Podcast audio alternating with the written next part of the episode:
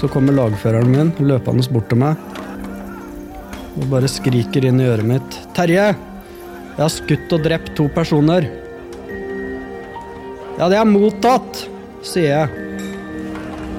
Våre historier, en podkastserie fra Forsvaret.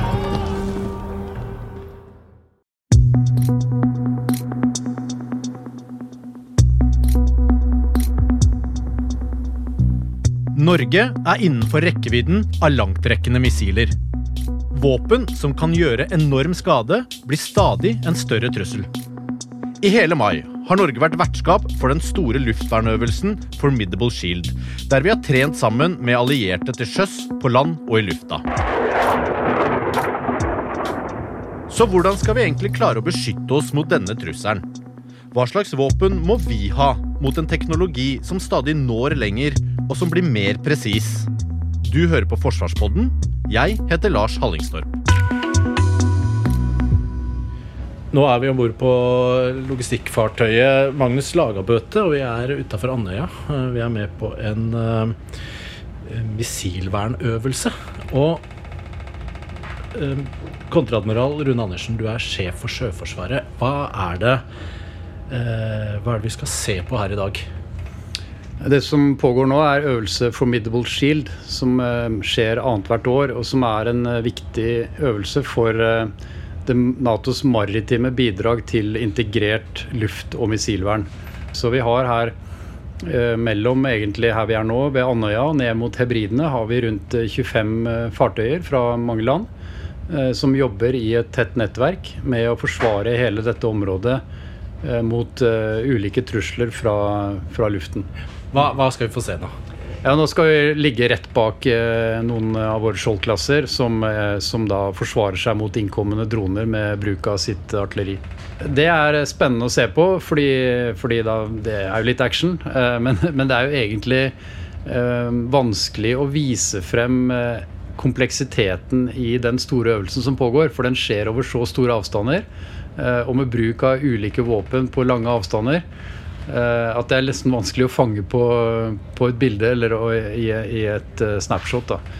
Hva slags trusler er det man ser for seg at man kan stå overfor? Um, nei, det er altså Utviklingen av missilteknologi har, har skutt fart, kan du si. I hvert fall på russisk side. Har investert mye i moderne missilteknologi. Eh, så det er jo en, en rekke ulike tr typer trusler, både krysseraketter eh, og også ballistiske missiler, som kan være en trussel. Og, og nå har norske fartøyer de har en, en, god evne til å forsvare seg selv, men mange av våre allierte fartøyer som er her nå, har også en evne til å forsvare store områder med, med langtrekkende luftvern. Uh, og Det er et, uh, et, viktig bidrag til en felles operasjon uh, som, som, kommer da gjennom de maritime styrkene som opererer i nærområdet. Men vi er jo også på sjøen, og du sier luft og, og land er med. Og så er, er det jo de norske fregattene, men vi har jo med veldig mange Vi er også avhengig av alliert hjelp her. Kan du si noe hvordan, hvordan, hvordan dette systemet fungerer? Ja, i, i bunnen for, eh, for, en vellykket uh, integrert luftvernoperasjon ligger et felles situasjonsbilde hvor man utveksler uh, informasjon fra egne sensorer med hverandre, slik at man bygger et komplekt oversikt over det som beveger seg. Uh, og også, også, får en forståelse for hvilke trusler man, man skal forsvare seg mot. Så det, det, er den informasjonsdelingen som er grunnlaget for en vellykket operasjon. Og på toppen av det da en effektiv ledelseselement som, som sørger for at dette her blir koordinert, og at innsatsen og Forsvaret blir koordinert.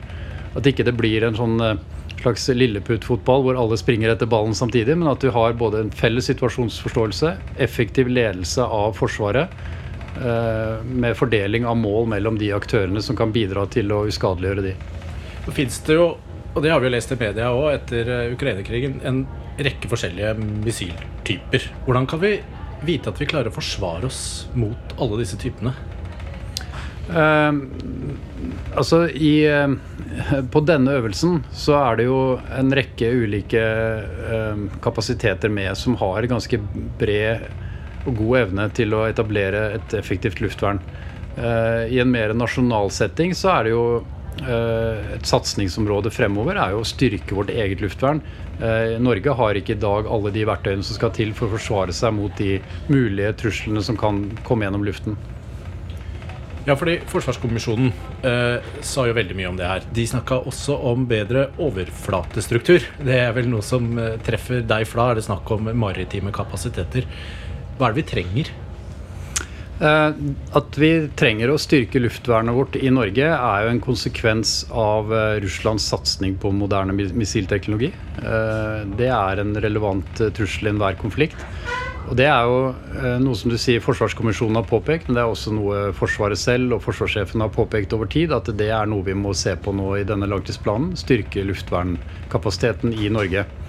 Så det er riktig. Og så eh, har også Forsvarskommisjonen påpekt behovet for å fornye våre maritime kapasiteter. Eh, og det er det er jo Det henger delvis sammen med, med behov for å styrke luftvernet, for det er en av kapasiteten slike fartøyer har. Men, eh, men det er nok bredere begrunnet ut ifra både at alderen på dagens fartøyer eh, begynner å bli høy, eh, men også det at mange av våre sikkerhetsutfordringer i Norge finnes i det maritime domenet på til sjøen og langs kysten. Og vi har behov for å kunne være til stede hele tiden i norske interesseområder. Og vi har også behov for å kunne ha fartøyer som kan uh, jobbe integrert med disse internasjonale styrkene som, som vil være her i en konfliktsituasjon. Kan du fortelle litt om hva slags luftvern vi har i dag? Eh, for Sjøforsvarets del så har vi luftvern eh, som kan forsvare egne fartøystyrker. Eh, det er det vi har i Sjøforsvaret. Norge har utover det evnen til å forsvare en enkelte av våre viktige baser, men ikke mye av det. Nå vet vi at uh, den, uh, de, den bitte lille delen av den kjempestore øvelsen Formidable Shield, uh, den som vi skal se på i dag, den begynner nå hvert øyeblikk. Mm. Så vi bør vel kanskje gå opp og gjøre oss klare. Ja, Komme oss ut. får vi gjøre. Få litt sjøluft. Ja.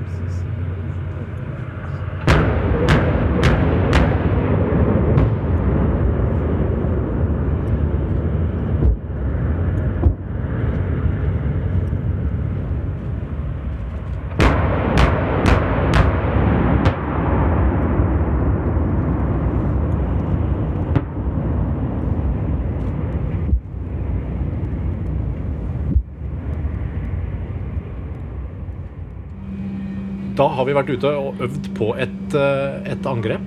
Eh, her i form av to droner som kom, som vi bekjempa. Hvordan gikk det egentlig? Ja, det var KNM Gnist som forsvarte seg mot et angrep, da, og det gikk veldig bra. Og noe av, noe av, det som er bra, er også at de gjør dette her koordinert i et større nettverk med mange andre enheter som opererer i området. Men det her var da altså 76 mm kanon. Um, kan du si noe om hvor stort det er for å skyte ned, og andre kapasiteter som fins?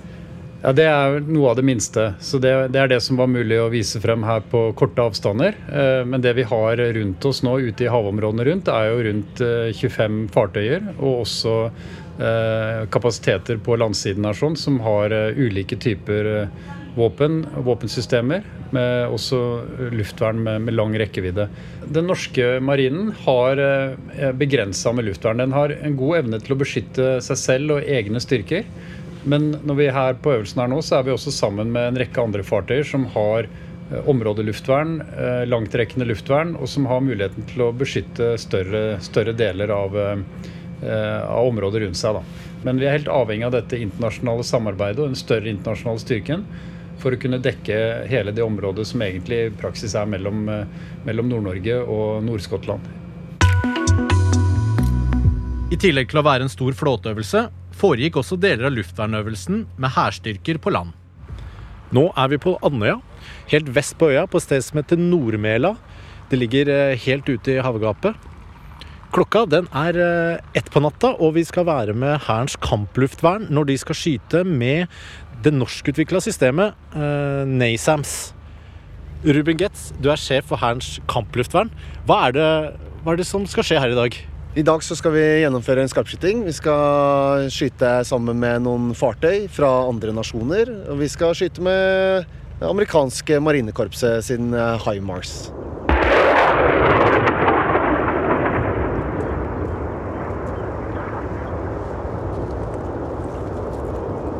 Men Hva er det dere skal skyte med? Vi skal skyte med vår eh, del av det som er NASAMS, og spesifikt da en, en high mobility launcher som vi har her ute. Kan du forklare hvordan NASAMS funker? NASAMS er jo et uh, luftvernsystem som er utarbeidet uh, og produsert av Kongsberg sammen med amerikanske Raytheon. Uh, det er et system som kan ha flere forskjellige sensorer og flere forskjellige effektorer. vi kan se et mål med f.eks. en radar eller et kamera. Uh, og vi kan engasjere det med det som vi har i dag her, som er en, eh, en slags Humvee med noen missiler på, eller en canister launcher, som også finnes innenfor dette nettverket. Men hva er det, hva er det denne NASAMSen skal uh, verne oss mot? Altså, NASAMS er et system som er bygd opp for å eh, fungere ekstremt effektivt mot kryssemissiler. Men eh, det fungerer også veldig godt mot både jagerfly og kamphelikoptre og UAV, eller droner. da, Store droner. Hva er det vi vil verne? Nei, Det er jo en vurdering da, oppimot uh, hva som er oppdraget vårt. Er det, for vår del så er det jo i Hæren Brigade Nord som vi skal passe på. Uh, mens for andre enheter som er NASAMS, f.eks. i Luftforsvaret, så er det jo kampflybaser. Men det kan også være bysentrum eller andre ting som vi finner som kritisk uh, for et oppdrag vi skal løse, eller for nasjonen generelt hva slags luftvern er det vi trenger mer av, og hva er det vi, måte, altså, hva er det vi mangler? Altså, luftvern har noen prinsipper for uh, liksom, hvordan vi driver uh, operasjonene våre. Vi ønsker en miks. Vi ønsker mengde, mobilitet og, og så videre. Så uh, det vi har i dag, er jo som kjent vi snakket om, NASAMS. Og det er jo én type missiler. Og er i utgangspunktet mot én type målkategori. Vi, vi, vet at det fungerer på en god måte mot det. Men hvis du skal skyte mot ting som flyr kanskje saktere, eller ting som er litt billigere, eller ting som manøvrerer veldig fort på korte avstander, og sånne ting, så trenger du kanskje et uh, system som er spesialbygd for det. Uh, mens hvis du skal skyte mot uh f.eks. raketter som kommer i veldig høy hastighet fra lange avstander og lignende, så må du ha et annet system. Så det er jo den miksen mellom våpensystemer som kan fungere på kort avstand og være litt billigere, og systemer som kan skyte veldig langt og være mye dyrere. Og det i midten som vi har der, da, som er en slags middels rekkevidde. Kan du si noe om hvor eh, mye av dette eh, dere har? Altså, jeg vet jo også at luft har noe, men altså, hvor, mye, hvor mye har vi egentlig? Ja, altså Vi er jo en avdeling i Hæren som skal være i stand til å beskytte Brigade Nord. Og er jo i utgangspunktet uh, utstyrt for det. Vi skal få mer uh, nå rett rundt hjørnet. Vi skal få kortrekkevidde luftvern som er spesialdesignet for å beskytte en pansret uh, avdeling som beveger seg kontinuerlig. Uh, mens uh, Luftforsvaret har jo også to avdelinger som er designet uh, og utviklet for å beskytte disse kampflybasene. Og er utrustet for å håndtere et sånn type scenario. Hva vet vi om en eventuelt fiende? Hva er, kan, vet du noe om trusselnivå og, og, og hva de er i stand til? Altså jeg vet jo stort sett uh, det samme som uh, veldig mange andre i Forsvaret. Og vi har jo våre prosedyrer for hvordan vi kommuniserer uh, situasjonen i verden. Og så en eventuell trussel må man jo se opp imot den scenarioet eller den situasjonen man står i der og da. Det kan jo være én ting i dag, men det kan også være en annen ting i morgen. Eh, så det er jo vanskelig å uttale seg konkret om akkurat nå, for nå har vi ikke noen trussel eh, overhengende. Eh, og det er vi ikke er vi i krig heller, så Men vi er forberedt på å håndtere i utgangspunktet hele trusselspekteret fra droner til kryssemissiler og til jagerfly eller helikoptre. Så vi er godt utrustet til det.